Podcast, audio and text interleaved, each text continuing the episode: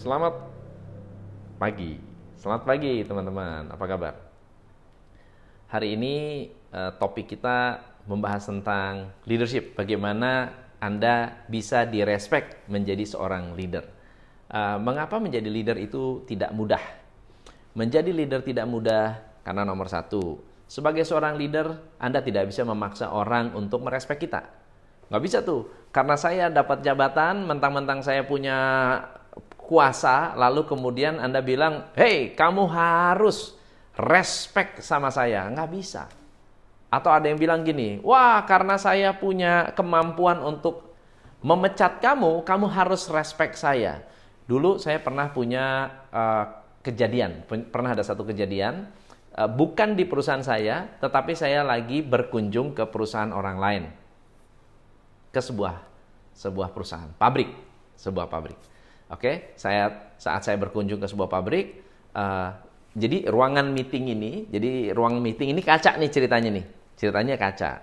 Lalu kemudian ada kepala pabrik yang datang, kuculuk, kuculuk, kuculuk, kuculuk, kuculuk, kuculuk, ngegebrak meja salah satu uh, staff. Dia bilang gini, gebrak. Dia teriaknya begini, kamu nggak tahu saya siapa, ya gitu kan? Saya bisa pecat kamu. Saya bisa bikin kamu menderita. Saya bisa bikin kamu tidak bisa naik gaji tahun ini. Kamu nggak tahu saya siapa. Oh, gitu kan? Staffnya diom aja. Perempuan lagi staffnya. Diom dan nggak bisa ngomong apa-apa. Lalu saya bilang, apakah karena seseorang memiliki jabatan berarti dia otomatis harus direspek? Ternyata tidak. Makanya menjadi leader itu tidak mudah. Hari ini saya akan memberikan Anda tiga hal yang bisa membuat Anda direspek oleh anak buah Anda. Tolong dibuat catatannya. Yang pertama adalah kebiasaan. Kebiasaan ini membuat kita bisa direspek atau bisa tidak direspek oleh anak buah. Ada yang bilang bahwa leadership itu bukan satu kunci besar, tetapi ratusan kebiasaan kecil yang namanya leadership disebut leadership karena Anda melakukan ratusan kebiasaan baik yang membuat orang hormat dan respect kepada kita. Contohnya ya, coba Anda ingat semua orang yang Anda respect, semua orang yang Anda respect, orang tua atau guru atau mungkin ada uh, siapa pun yang Anda rasa Anda respect, oke? Okay? Atau komen, please komen anda siapa dari mana? Anda siapa dari mana? Itu komen dulu ya. Lalu kemudian Anda komen, siapa yang sering Anda yang paling Anda respect dalam hidup Anda? Siapa yang paling Anda respect dalam hidup Anda? Yuk komen dong, silahkan. Di komen, di komen. Ya, komen Anda dari mana? Anda komen juga Anda respect siapa dalam kehidupan Anda. Sapa dulu kawan-kawan yang ada di sini. Silahkan. Oke biar asik kita, ya kan? Biar bisa interaktif, bisa jelas kita mau bahas apa hari ini. Jadi hari ini bahas tentang leadership, ada tiga trik yang akan saya share kepada teman-teman. Oke, tapi sebelumnya saya mau tahu dulu dong, Anda dari mana dan uh, kalau Anda memiliki respect terhadap seseorang, siapa yang Anda respect? Apakah orang tua? Apakah leader? Apakah Anda respect presiden? Apakah Anda respect siapa pun itu yang Anda respect? Coba Anda perhatikan baik-baik. Ya, yang diperhatikan apa? Halo, oh kakek. Ya. Orang yang menginspirasi. Yes, gede. Thank you. Sahir, respect ibu, mantap. Nah, coba Anda perhatikan baik-baik. Kalau Anda respect ibu, respect kakek, eh, respect orang tua, respect suami, mungkin saya bisa bisa jamin 100% nggak mungkin karena hanya satu kejadian langsung membuat Anda respect. Bisa jadi ada ratusan hal kecil yang menjadi kebiasaan orang ini yang membuat Anda hormat dan respect kepada suami Anda, istri Anda, anak Anda, atau bahkan orang tua Anda. Gitu ya. Demikian juga dengan leadership. Ratusan kebiasaan baik, puluhan kebiasaan baik, puluhan kebiasaan kecil yang baik yang membuat Anda merespek leader tersebut dan akhirnya mengingat menjadi sebuah leader yang positif.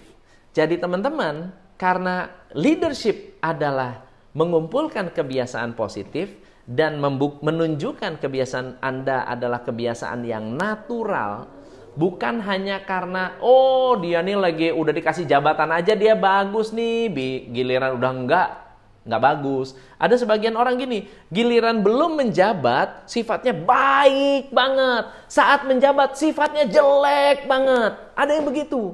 Ya, ada orang yang dulu pada saat kita uh, uh, masih berteman, uh sifatnya asik banget, temenan enak ya. Begitu jadi bos, uh ilah sombongnya amit-amit.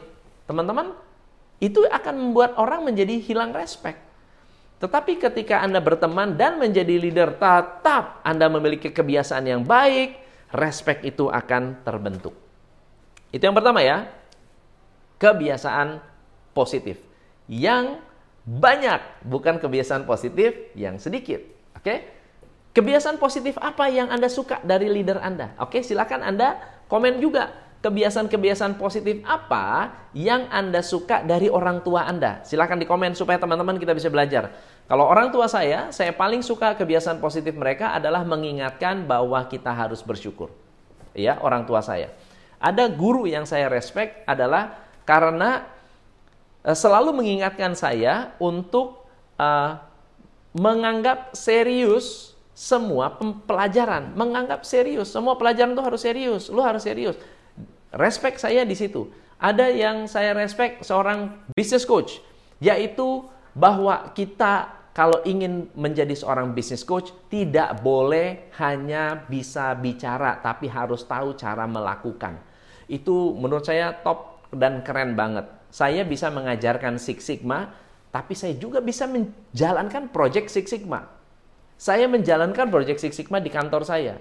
Ada yang bilang, oh saya ngajarin marketing. Saya bukan hanya bisa ngajarin, saya bisa melakukan marketing. Saya bukan hanya bisa bi apa ngajarin orang caranya mempromosikan. Saya bikin majalah, gitu ya. Saya bikin buku, saya publish buku. Wah, jadi membuat uh, apa yang saya ajarkan sesuatu yang valid ya.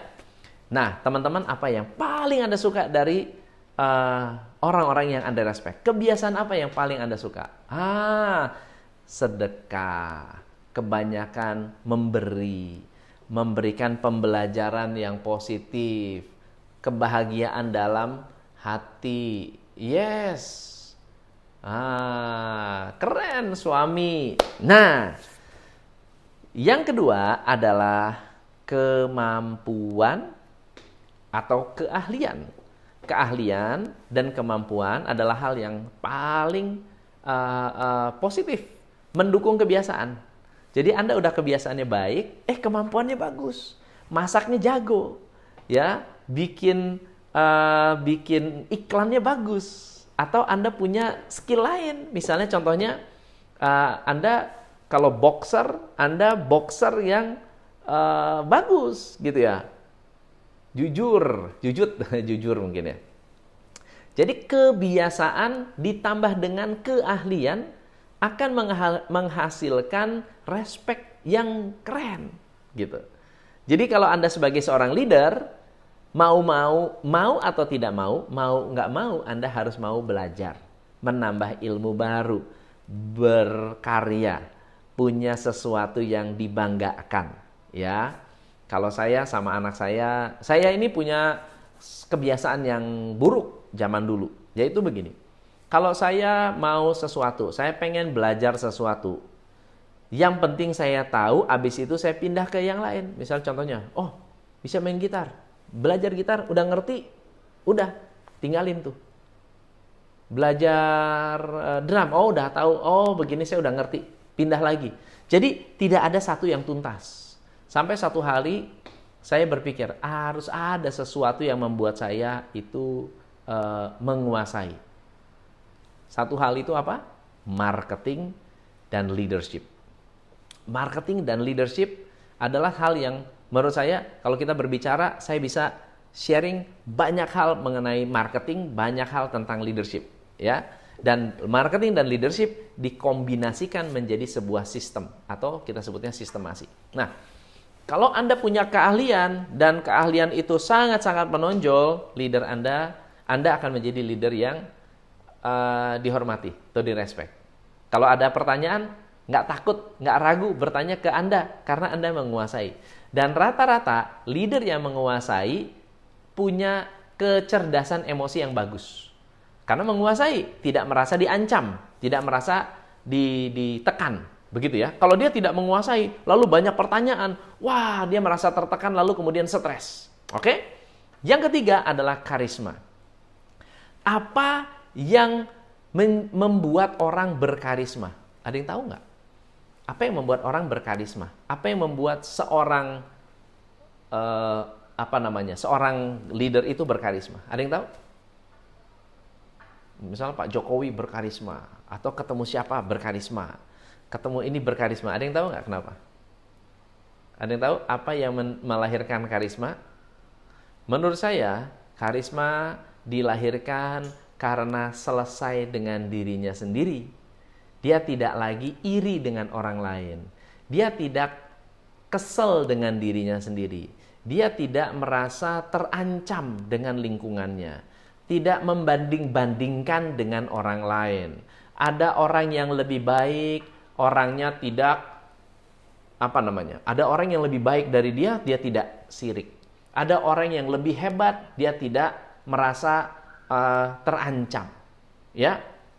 Teman-teman ketika Anda melakukan atau ketika Anda memiliki uh, atau memiliki orang yang berkarisma, rata-rata mereka selesai dengan diri sendiri menguasai yang namanya self mastery ya menguasai self mastery jadi tiga hal ini semoga bisa memberikan teman-teman manfaat yang bisa mengingatkan lagi menjadi seorang leader yang efektif menjadi leader yang lebih baik. Besok tanggal 2 dan 3 ada workshop tentang leadership high impact leadership. Di, salah satu topik yang akan saya bahas adalah ada 15 self discovery questions. Ada 15 self discovery yang bisa membuat Anda memiliki kemampuan karismatik. 15 pertanyaan ini membantu kita. Oh, ternyata ini loh yang membuat saya lebih berkarisma dalam leadership saya. Kalau Anda ingin belajar, uh, kalau besok sudah habis, ya mungkin next time. Tapi kalau Anda ingin tahu uh, apakah masih available atau tidak Anda bisa hubungi 08 111 59 5979 08 111 59 5979 siapa tahu masih ada tempat uh, mesti cek sama tim saya oke? Okay? so thank you so much. Itu tiga hal tadi yang bisa membuat Anda menjadi leadership leader yang lebih direspek. Satu kebiasaan baik. Dua kemampuan yang baik. Tiga karisma yang baik. Thank you so much saya Tom MC Ifle, salam pencerahan.